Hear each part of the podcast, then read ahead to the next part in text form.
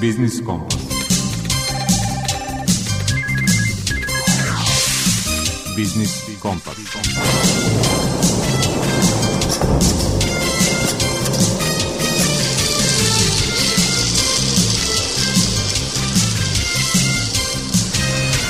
Pred mikrofonom je Đuro Vukilić. Dobar dan, poštovani slušalci. Na korak smo od božićnih i novogodišnjih praznika i vreme je da se sačine bilansi učinjenog i propuštenog. U prednovogodišnje vreme se godinama unazad intenzivira priča o ekonomskim potencijalima dijaspore i saradnji sa njom. O takvom projektu Privredne komore Srbije i Nemačke agencije GIZ razgovaramo u rubrici Aktuelno sa rukovodiocem Centra za podršku investicijama i javno-privatno partnerstvo u komori Đorđem Andrićem. Kineska inicijativa Pojas i put okupila je u proteklih deseta godina 149 zemalja i njen smisao nije isključivo bilateralna saradnja sa Kinom, objašnjava u rubrici iz mog direktor Nacionalnog instituta Pojas i put u Beogradu, profesor dr. Bojan Lalić.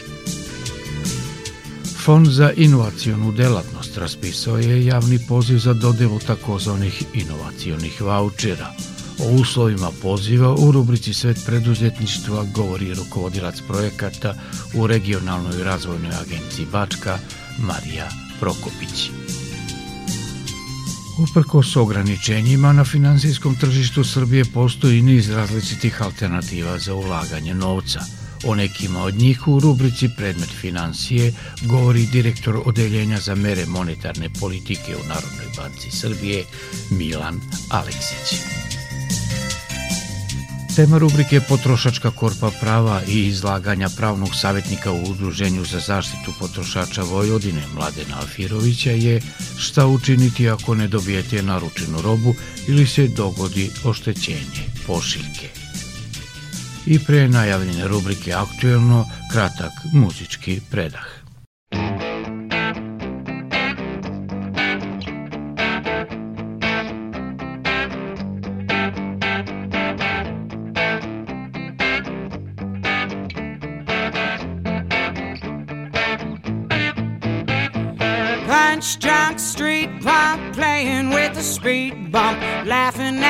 The dice in the box Big wheeled, high heeled, banging on a ball field, chewing on a bag of rocks.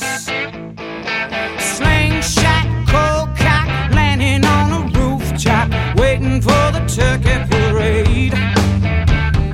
Lockjaw, jigsaw, betting on an outlaw, picking at a purple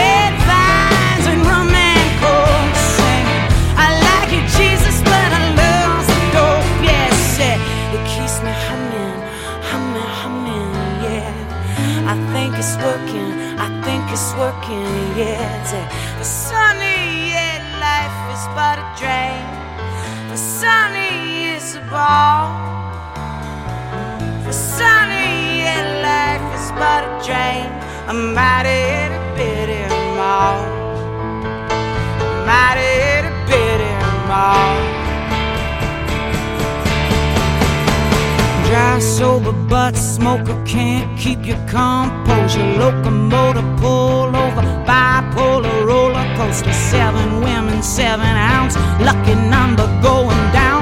Take a hit, chew, spit, there you go, enjoy the show.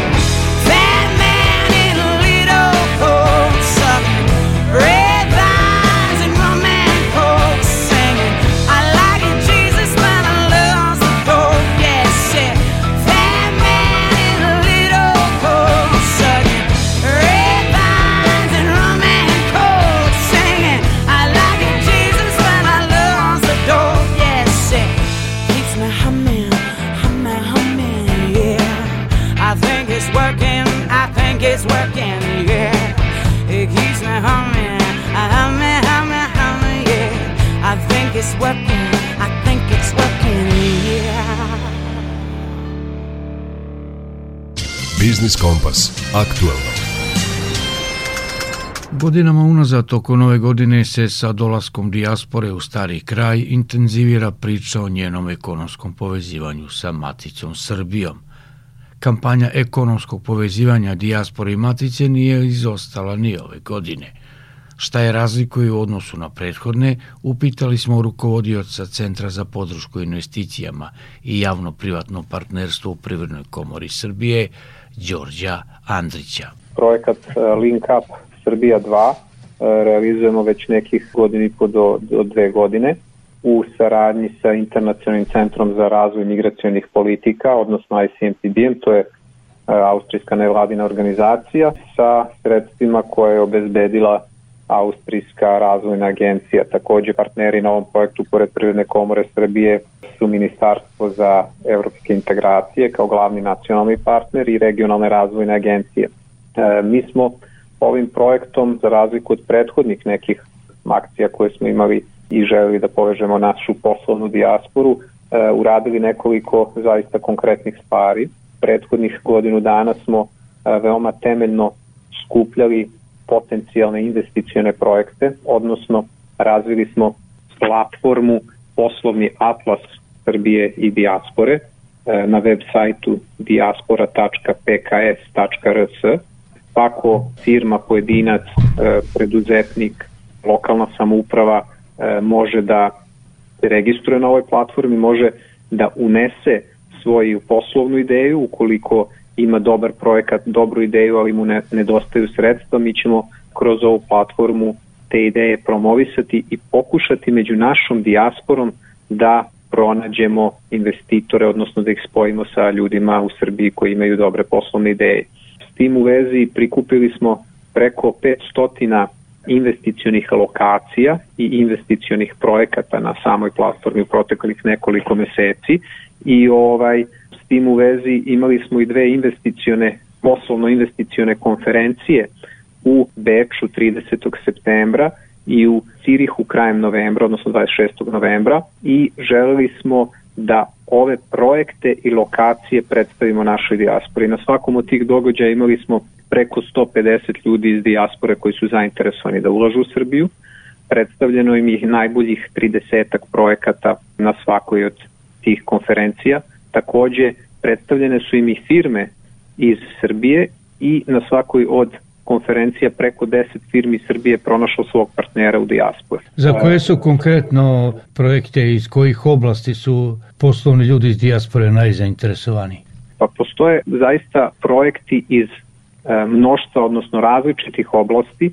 Mi smo predložili projekte i što se tiče IT sektora, proizvodnje, poljoprivrede, mnogi su veoma bili zainteresovani za poljoprivrednu proizvodnju, za mogućnost dobijanja subvencija kroz IPART fondove. Takođe predstavljeni su i projekti javno-privatnog partnerstva sa određenim lokalnim samoupravama, tako da postoji široko interesovanje, postoji interesovanje i u oblasti e, medicine, nekih inovativnih projekata, odnosno nege, starijih lica, građevina, turizam, Takođe, svaki projekat koji donosi dobar povrat na investiciju, koji je siguran, svakako će zauzeti pažnju kod, kod naših ljudi u dijaspori. Ono što bih samo još e, dodatnu stvar kao najavu rekao je upravo to da nam je sada trenutno fokus na Nemačku sa nemačkim gizom, odnosno nemačkom razvojnom saradnjom. Trenutno promovišemo video koji ima za cilj da potakne našu dijasporu da se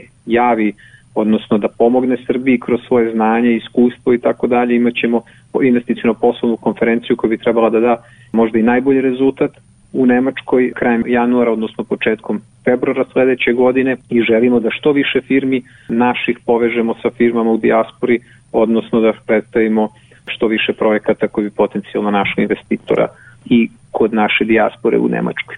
Na koji način firme koje još nisu to učinile mogu da apliciraju sa svojim projektima za saradnju sa dijasporom? Vrlo je jednostavno.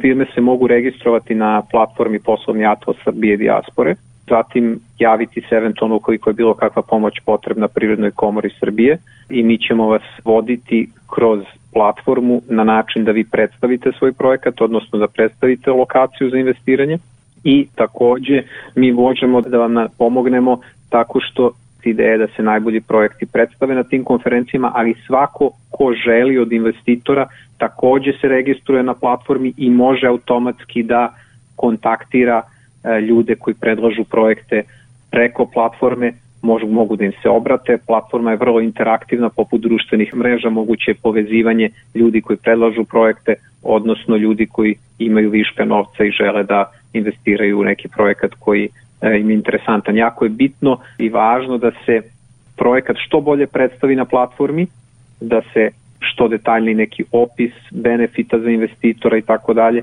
kako bi ljudi koji pogledaju projekat, koji uđu na platformu, se lakše odlučili da stupe u kontakt što preko Prirodne komore Srbije, što direktno sa predlagačima projekta. Đorđe, hvala za razgovor. Hvala i vama. Naš sagovornik bio je Đorđe Andrić, rukovodilac Centra za podršku investicijama i javno-privatno partnerstvo u Privrednoj komori Srbije. combination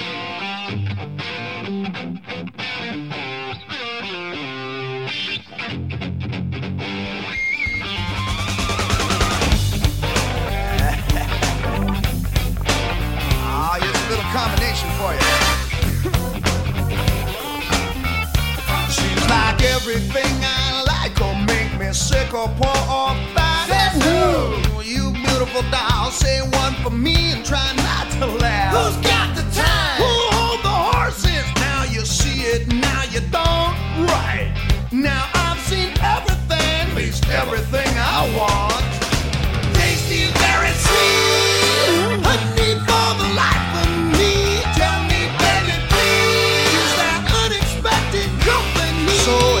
the road, turn right next Thursday. Think that's where I'm gone. I ain't drowning, just waving. Ain't even worth a song. No. Oh, it ain't, baby. Take one for yourself now,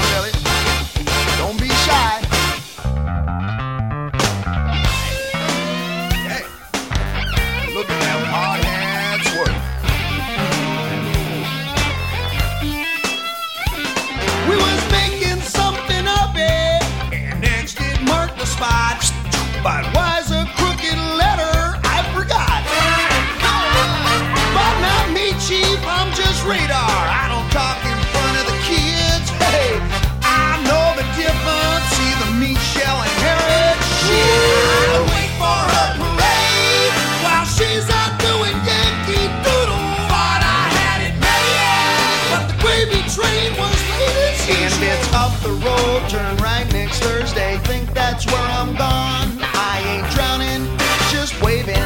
Ain't even worth a song. See ya in the funny papers. Guess that's where I'll be. They say two fools, born a minute. Guess that makes me three.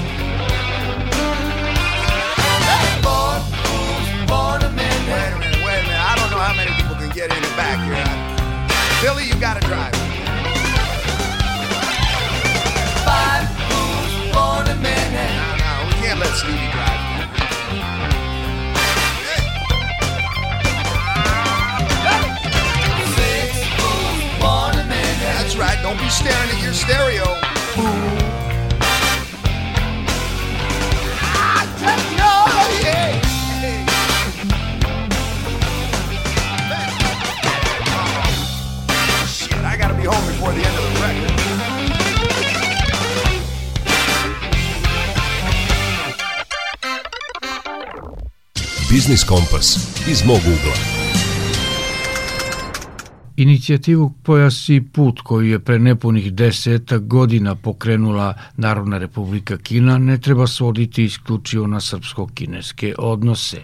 U njoj je uključeno 149 zemalja, među kojima su Italija, Mađarska, Grčka, Švajcarska, kao i brojne afričke i azijske zemlje, sa kojima Srbija pojasem i putem može da ostvaruje osjetno veću i raznovrsniju saradnju. To u rubrici iz mog ugla tvrdi direktor Nacionalnog instituta Pojas i put u Beogradu, profesor dr. Bojan Lalić. Srbija je jedna od zemalja osnivača inicijative Pojas i put među 28 zemalja osnivača i od početka, od trenutka kada je inicijativa zaživela, dosta obiman set aktivnosti je sproveden u okviru nje, što u privrednom smislu, što u akademskoj saradnji, kulturnoj saradnji, sportskoj i tako dalje i tako dalje. Ono što je važno jeste da ova inicijativa omogućava i daje okvir nama da na različite načine, a opet na dobrobit Srbije sarađujemo sa zemljama poput e, Kenije sa kojim imamo izvanrednu saradnju sa univerzitetima u Nairobiju, sada krećemo i u privrednu inicijativu, zatim Ujedinih Arabskih Emirata, tu su i zemlje poput Pakistana koji igra dosta značajnu ulogu u kineskoj spoljnoj politici i tako dalje. Ono što smatramo i što, što je bila vodilja u osnivanju instituta jeste da pospešimo mogućnosti za kako mala i srednja preduzeća, start-upove i tako dalje, tako i velike sisteme da sarađuju. Da na dobar način prikažemo Srbiju kao zemlju vrednu investicija, sa druge strane da našim kompanijama otvorimo prostor 149 zemalja čini danas najveću međunarodnu inicijativu koja funkcioniše i da na dobar način utičemo na razvoj srpske ekonomije. Mislim da je uključivanje u, u ovaj program, odnosno samo formiranje instituta, bilo dosta značajno iz razloga što je broj aktivnosti koji se dešava danas u okviru inicijative o, impozantan i potrebno je da sada to malo strukturiramo, sistematizujemo, napravimo plan delovanja da bismo izvukli maksimum iz saradnje. Takođe, ono što je značajno, institut je do sada u, u svom postojanju organizovao dva velika think tanka, dva velika događaja u koje je bilo uključeno negde oko 40-50 zemalja sveta gde smo imali veoma interesantne goste iz Indonezije, govornike iz Malezije, iz Singapura, iz eh, Kine, naravno, zatim iz eh, Kenije, Italije, Grčke, Poljske svakako, zatim tu su i Baltičke zemlje, pa zemlje centralne istočne Evrope i tako dalje. Srbija igra dosta značajnu ulogu u tom prostoru jer recimo kada pričamo o regionu centralne istočne Evrope, jedino se Srbija graniči sa osam zemalja u ovoj regiji i tu svoju centralnu poziciju se trudi maksimalno da iskoristi. Ono što je značajno za sada jeste da kada pričamo o investicijama i razvojnim poduhvatima, mi još uvijek gradimo u Srbiji infrastrukturu i to je kako bismo rekli, neki prvi korak. Kinezi vole da kažu kad hoćeš sa nekim da sarađuješ, prvo izgradi put. Tako da mi sad gradimo put, gradimo prugu, ali ono što ohrabruje jeste da krećemo i od ozgona dole, odnosno od visokih tehnologija, od novih tehnologija prema onim konvencionalnim, tako da pojas i put ima i svoj poseban domen u području IT pojasa i puta gde države sarađuju na to jednoj ravni. Veoma interesantno za nas svakako i infrastrukturu u tom smislu poput savremenih tvrđava današnjice kao što je nekad bila Novosadska tvrđava, Smederevska tvrđava, Ram, danas je to recimo državni data centar u Kragujevcu koja je svojevrsna tvrđava koja čuva podatke koji su danas od krucijalnog značaja za razvoj društva, napredovanje, inovacije i tako dalje. Otprilike mislim da je veoma značajno napomenuti da se nakon formiranja instituta značajno povećao broj univerziteta sa kojima sarađujemo, odnosno univerziteti iz Srbije sa kojima sarađuju, gde je opet želja da se poveća razmena studenta, razmena nastavnika, zajedničke istraživanje, kreiranje zajedničkih laboratorija i tako dalje. Zatim što se tiče kulturnih događaja, kulturne saradnje, trudimo se da na lep način kako obeležavamo novu godinu, obeležimo kinesku novu godinu, napravimo neki prigodan događaj koji bi ljudima omogućio da bolje razumeju, da bolje razumeju priliku, jer po nama realno svaka inicijativa na svetu koja okuplja zemlja, a ne okuplja ih kako bi ratovale ili zadavale nam neku brigu, je dobra inicijativa. Tako da ne treba tu mnogo preispitivati da li su inicijative ovakvog karaktera dobre, već ispitivati koja je naša uloga u tome. Možemo li mi bolje, možemo li mi da razvijemo kapacitet, možemo li mi da osvojimo nešto novo, neku novu tehnologiju, da otvorimo novo radno mesto, da povećamo plate i tako dalje.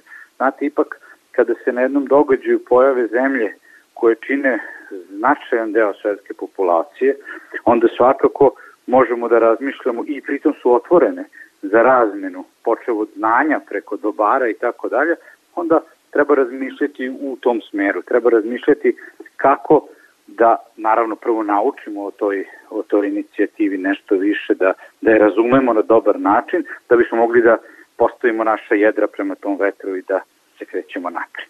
Ne treba to svoditi prosto na saradnju između Srbije i Kine, već na jedan širi ambijent koji omogućava da se u perspektivi saradnja multilateralno vodi i da od toga naša privreda ima korist. What you gonna do when you're driving in your car and you can't stop? The brakes are dead. What you gonna do when you see the bus speeding at you straight ahead? Who are you gonna turn to? Who are you gonna turn to? You gonna keep to yourself instead. What you gonna do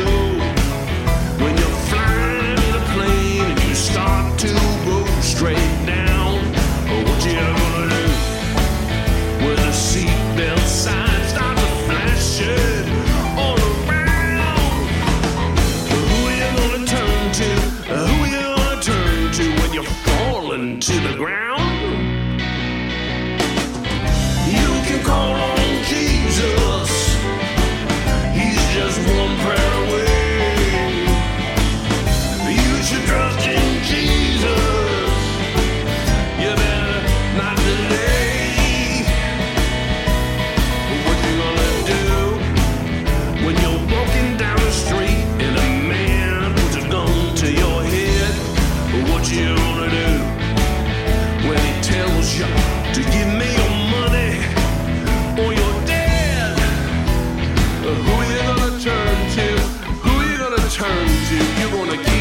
yourself instead. You can call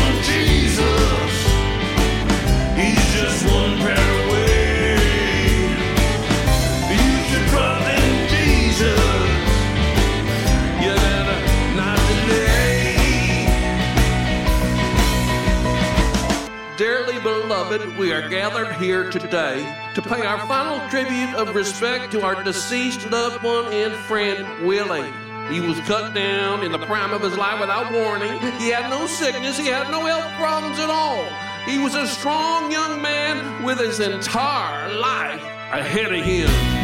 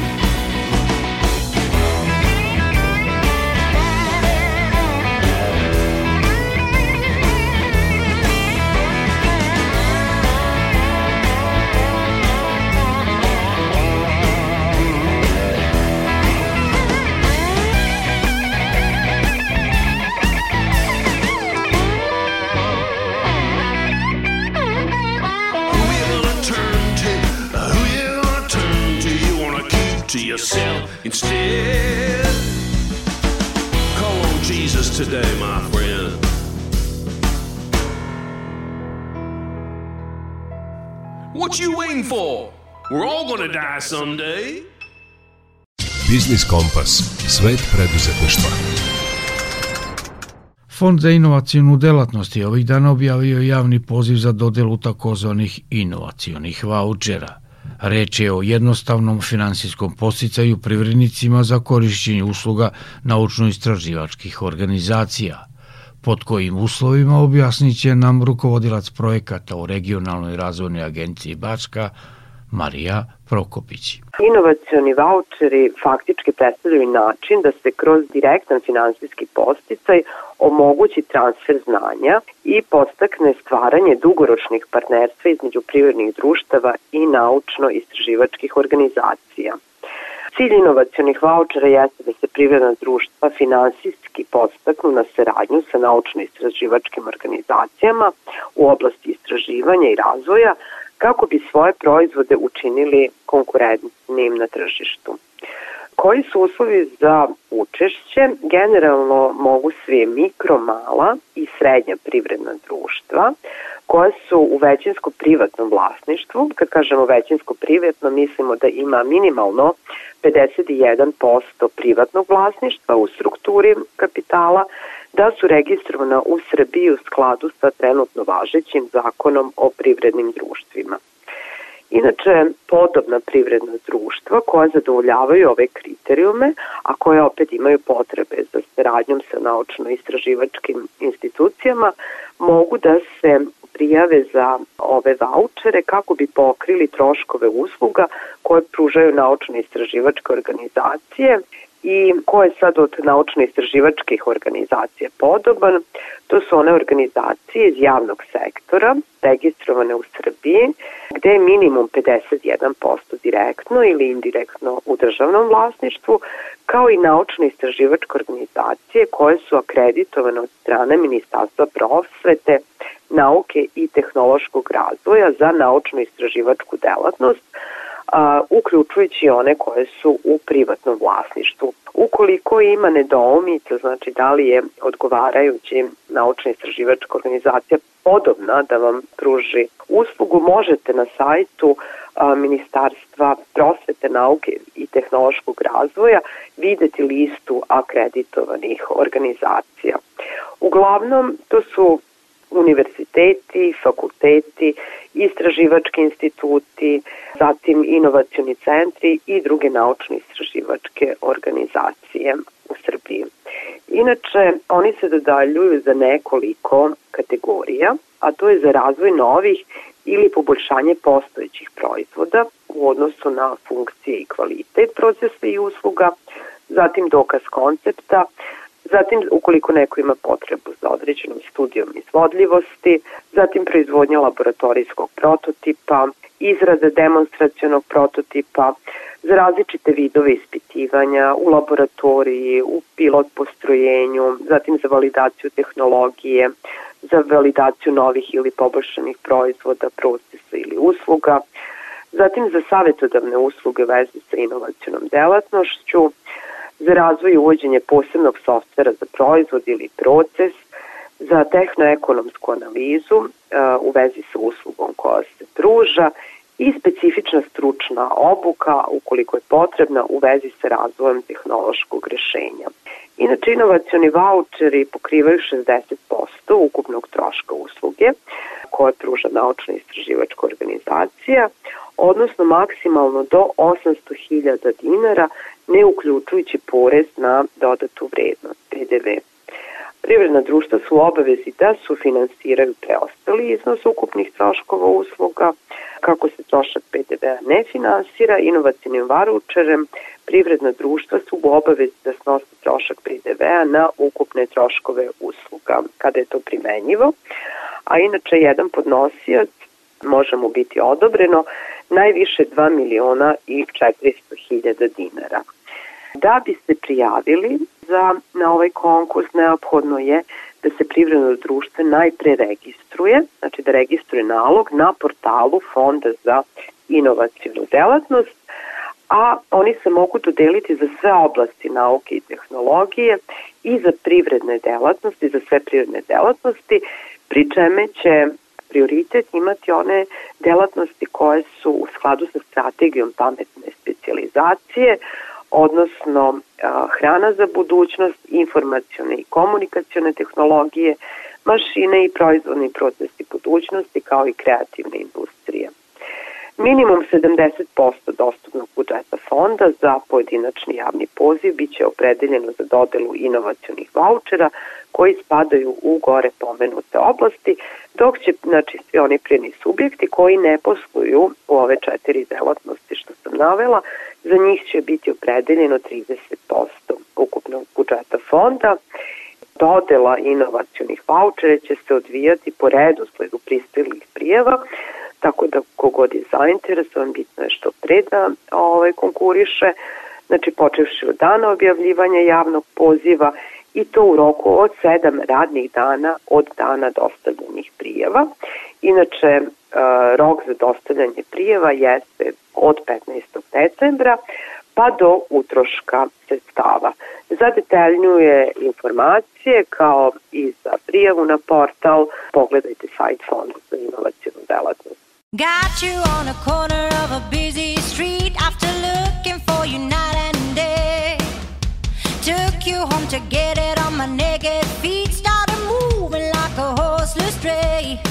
Now I'm rolling, shaking,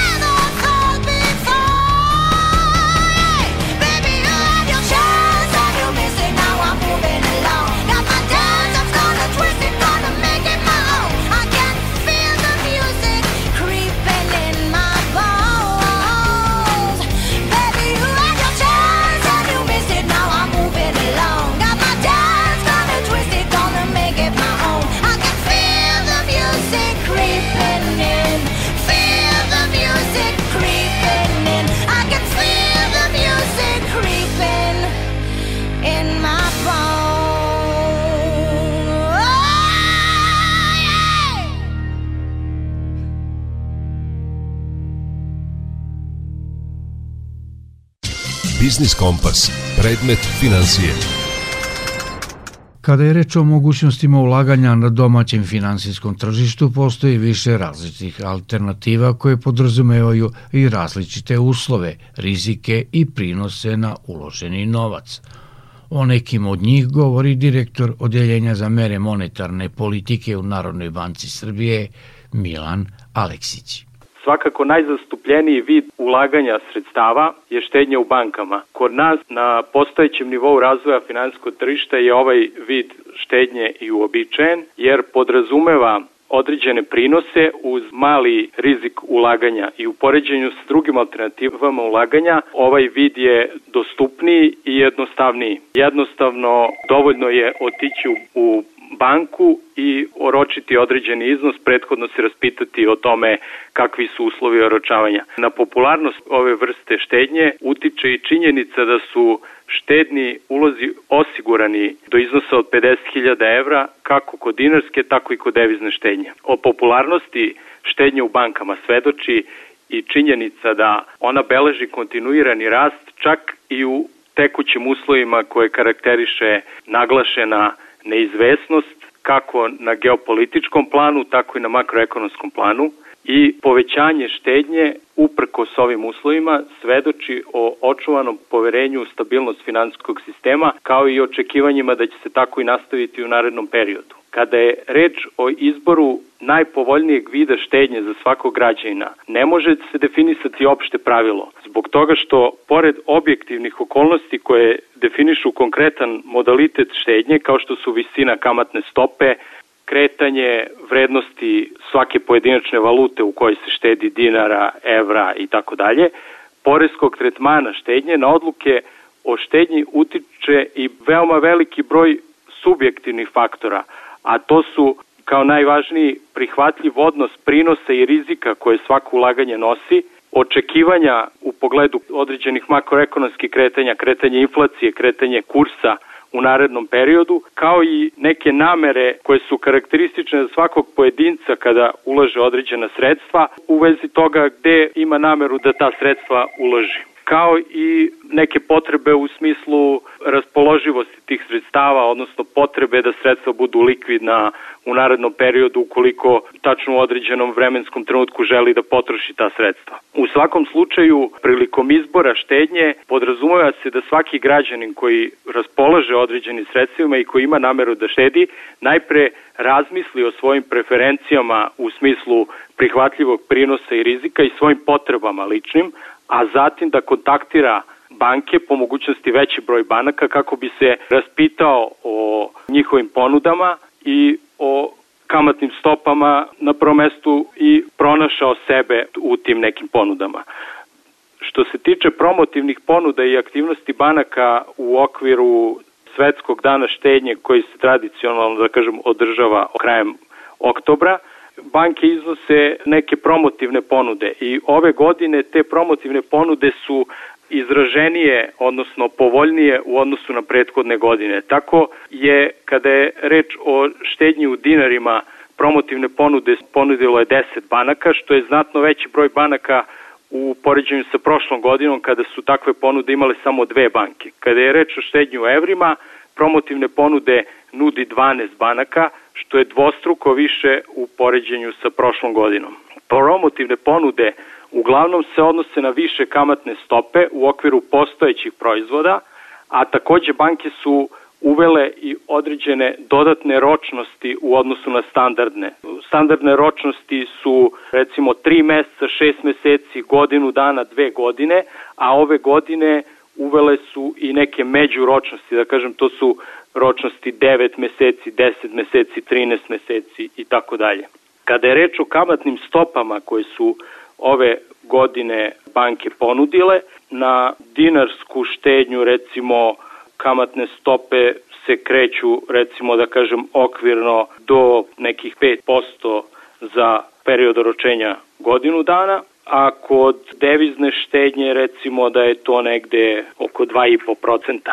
To je dosta više u odnosu na standardne ponude banaka, gde su recimo na dinare iznosile u septembru prema poslednjim podacima 3,45% je neka prosečna, dok kod evra je recimo 1,71 kada je reč o štednji u evrima govorim u, o nekom proseku. Osim štednje postoji određene drugi modaliteti plasiranja sredstava. Reč je pre svega o ulaganju u druge finanske instrumente koji su raspoloživi na domaćem finanskom tržištu. To su pre svega ulaganje u hartije od vrednosti, državne obveznice ili akcije, Takođe, to podrazumeva određene troškove i određene prinose koji po pravilu mogu biti veći, ali su po pravilu rizičniji u odnosu na samu štednju. Takođe, može se u ove instrumente investirati i posredno putem investicionih e, i penzijskih fondova,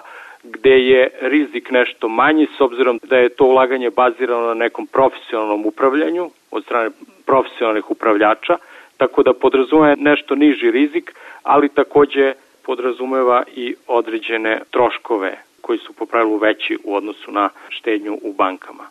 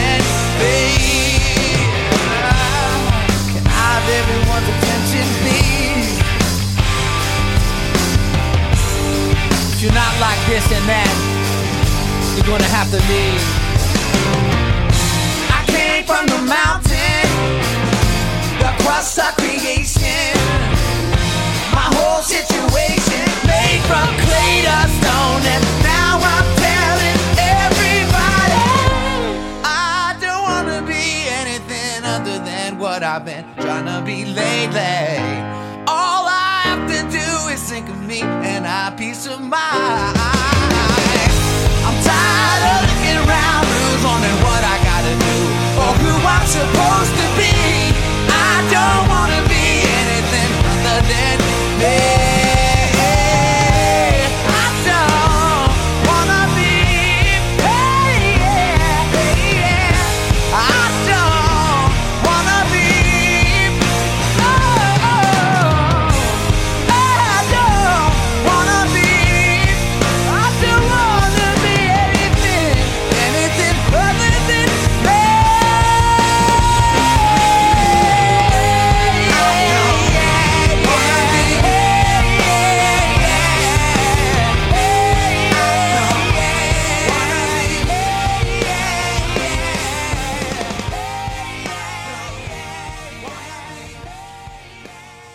Biznis Kompas, potrošačka korpa prava.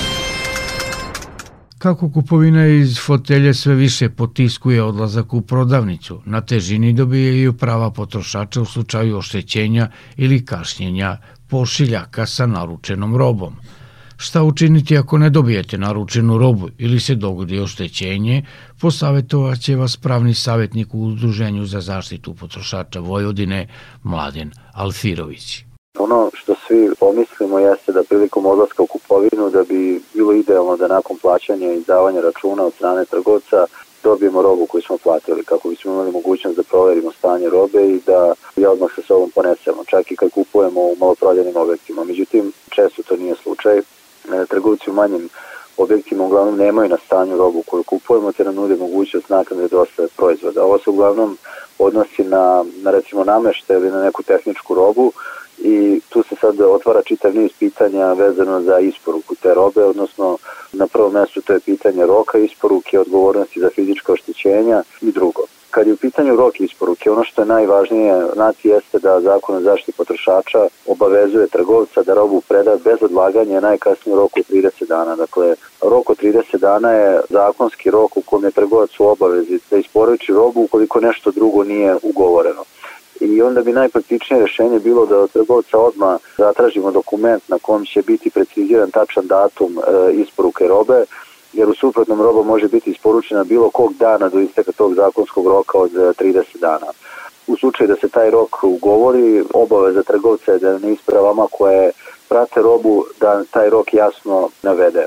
U slučaju prekoračenja tog roka, bilo da se radi o tom zakonskom ili ugovorenom roku, ugovor se raskida, a potrošač ukoliko to želi, a zapravo ne mora, to nije njegova obaveza, može ostaviti trgovcu naknadni rok za isporuku robe. Ako se u tom naknadnom roku roba ne isporuči, onda se ugovor raskida po zakonu i potrošač treba da dobije savi plaćen iznos u roku od 3 dana. Dakle, to su sve neke zakonske definicije. Kad je u pitanju oštećenje pošiljke, u praksi možemo razlikovati dve situacije koje su usko vezane za oštećenje pošiljke. U prvom slučaju kada isporuku robe vrši dostavna služba trgovca, kad trgovac recimo nudi besplatnu dostavu i kada se dostava vrši putem pošte ili neke kurirske službe. Dakle, kada trgovac dostavlja robu sobstvenom dostavnom službom, rizik za slučajnu propast stvari snosi trgovac ako je do oštećenja došlo pre predaje same robe potrošaču a nakon što je roba predata potrošaču, na potrošača prelazi rizik za slučajnu propast ili bilo koje drugo oštećenje. Dakle, s obzirom da je zakonsko rešenje tako kako je, potrošač se može zaštititi od eventualnih fizičkih oštećenja robe jedino pregledom odmah po prijemu a pre potpisivanja dokumenta da, da je robu primio u ispravnom stanju. Dakle, ukoliko uočite neko vidljivo oštećenje, bilo na ambalaži, na kutiji, imate pravo da odbijete prijem takve robe i da u zapisniku navedete da je roba oštećena i da iz tog razloga vraćate. Međutim, ako na samom zapisniku potpišete da potvrđujete da ste robu primili u ispravnom stanju, pregledali da roba nema nedostataka, onda ćete kasnije biti e, u dosta težoj situaciji u slučaju da otkrijete ipak da postoji neko fizičko oštećenje, da i to dokažete i da se izborite za vaša prava. Dakle, nakon prijema robe moguće i naknadno prijaviti fizičko oštećenje, ali je, kao što sam rekao, mnogo teže dokazati trenutak u kom je do oštećenja došlo. Zakon o obligacijnim odnosima poznaje rok od 8 dana za prijavu vidljivih nedostataka koje možete prijaviti prodavcu, međutim ovo pravo, kao što sam rekao, u praksi je izuzetno teško ostvariti osim sudskim putem, a zaista redki su slučajevi da će neko zbog ovog se obraćati sudu. Takođe imamo drugu situaciju kada robu dostavlja pošta, odnosno kurirska služba, Ako je roba isporučena u ovom slučaju sa fizičkim oštećenjima, reklamacija se izjavljuje direktno poštanskom operatoru najkasnije narednog radnog dana od dana isporuke, a u naknadnom roku od 60 dana potrebno je podneti zahtjev za obeštećenje. U slučaju da se ne podnese reklamacija u pomenutim rokovima, gubi se pravo na naknadu štete, za gubitak ili potpuno oštećenje robe, poštanski operator je dužan da vam isplati naknadu štete u vrednosti iznosa koji je označen na samoj pošiljci i desetostruki iznos naplaćene poštarine za tu pošiljku. Za delimično oštećenje ili umanjenje sadržine nadoknada se vrši u visini utvrđenog dijela oštećenja, dok se, kad je u pitanju prekoračenje roka isporuke, naknada vrši u trostrukom iznosu naplaćene poštarine. Dakle, to su sve neka prava koje potrošači imaju na osnovu zakona o poštanskim uslugama i zakona o zaštiti potrošača i dobro je znati dakle, šta sve možete preduzeti u slučaju, kao što sam rekao, da vam recimo kasni se sa uručene pošiljke ili da vam pošiljka stigne oštećena ili neke umanjene sadržine ili sa nekim delimičnim oštećenjima. Uzevši u obzir sve rečeno, dakle, kao savjet potrošačima možemo naglasiti najosnovniju stvar, a to je da robu obavezno pregledaju i u slučaju kada kupovinu vrše u prodajnom objektu da se zatraži od trgovca da se roba pregleda pre nego što se ona iznese iz radnje, jer ako je naknadno pregledamo i uočimo neko oštećenje, izuzetno će biti teško da dokažemo da to oštećenje nije nastalo našom krivicom, a trgovac onog momenta kad vi napustite objekat ne odgovara više za, za oštećenje robe. Samim tim što duže čekate, kao potrošač teže ćete ostvariti pravo na, na nadoknadu štete kad se radi o, o fizičkim oštećenjima.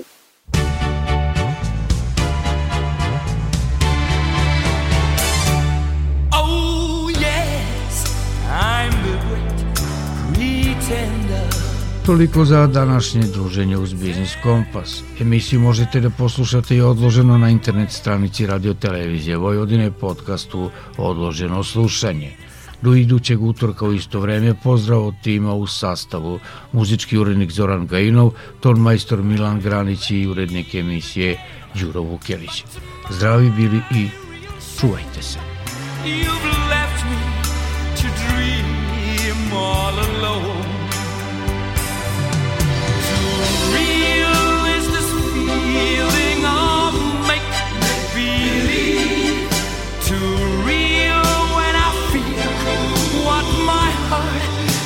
Conceal. Oh, yes, I'm the great pretender. Just laughing and like a clown. I seem to be what I'm not. You see, I'm wearing my heart like a crown. Pretending that you're